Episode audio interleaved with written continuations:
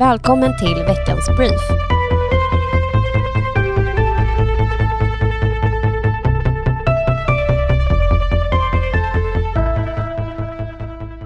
I veckan gav EU-kommissionen besked om att de vill klassa kärnkraft som en hållbar energikälla. Moderaternas Europaparlamentariker Thomas Tobé menar på att det här är ett viktigt besked och att vi behöver kärnkraften för att kunna nå våra klimatmål. Det är ett eh, välkommet eh, besked eftersom eh, kärnkraften är viktig för att vi ska nå våra klimatmål och för att vi ska hålla Sverige och Europa konkurrenskraftigt.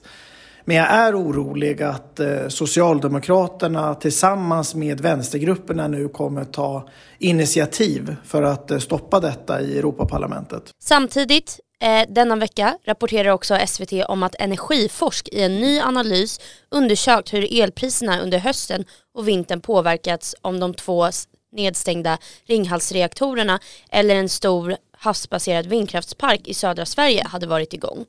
De har kunnat konstatera att elpriserna varit mellan 30 till 45 procent lägre i södra Sverige under hösten och vintern. Med kärnkraft krassad som en hållbar energikälla som kan ge en stabil elproduktion och därmed hindra skyhöga elpriser finns det ingen rimlig anledning att inte satsa på kärnkraft. Moderaterna är villiga att göra det och då borde regeringen också vilja. Säger Tobias Billström, gruppledare för Moderaterna i riksdagen. Veckan presenterade också partiledare Ulf Kristersson att Moderaterna har tillsatt en arbetsgrupp som ska gå igenom lagar, förordningar och andra regler som idag är ett hinder för att bolag ska vilja tro och investera i kärnkraft. Detta för att nya reaktorer ska kunna byggas.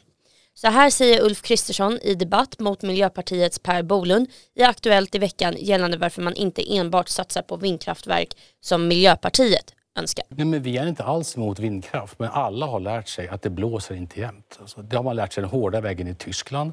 Lägger ner kärnkraften, hoppas att det blåser, det blåser inte, tvingas använda kol, olja och rysk gas. Jättedålig kombination. Även vi i Sverige har lärt oss det. Ta oljekraftverket i Karlshamn som nu när det används eldar 140 000 liter olja varje timme och har använts mer den här vintern än de gångna tio åren. Det räcker inte med väderberoende beroende kraft. Vi måste också ha stabil planerbar kraft. Och har vi mycket planerbar kraft, alltså mycket vattenkraft och mycket kärnkraft, då kan man också lägga på mycket vindkraft därutöver. Allt det här är fossilfritt. I veckan kom också den blågröna koalitionen i Region Stockholm med besked om att sjukvårdspersonalen som slitit under pandemin kommer få coronabonus på 10 000 kronor. Bonusen är undantagen regionens politiker, politiskt anställda samt bolagschefer och direktörer och förväntades att betalas ut i juni 2022. Totalt handlar det om cirka 44 000 anställda. De kommer också få fyra extra betalda semesterdagar. Så här säger Irene Svenonius till SR. Det är ju alla de som är anställda i Region Stockholm oavsett om de arbetar inom hälso och sjukvården eller med kollektivtrafik eller med andra verksamheter. Alla har fått ställa upp, ställa om och jobba oerhört hårt. Vi vill visa erkänsla för de extra insatser under en mycket, mycket tuff period som våra anställda har haft. Nu går Stockholms stad vidare med sitt mål om att bli klimatneutrala till 2030. I veckan lämnade Stockholm in sin ansökan om att bli en av de 100 städer i EU med mål om att bli klimatneutrala redan 2030. Förhoppningsvis är få en del av de 360 miljonerna euro som EU-kommissionen satsar för att minska koldioxidutsläppen i unionens städer.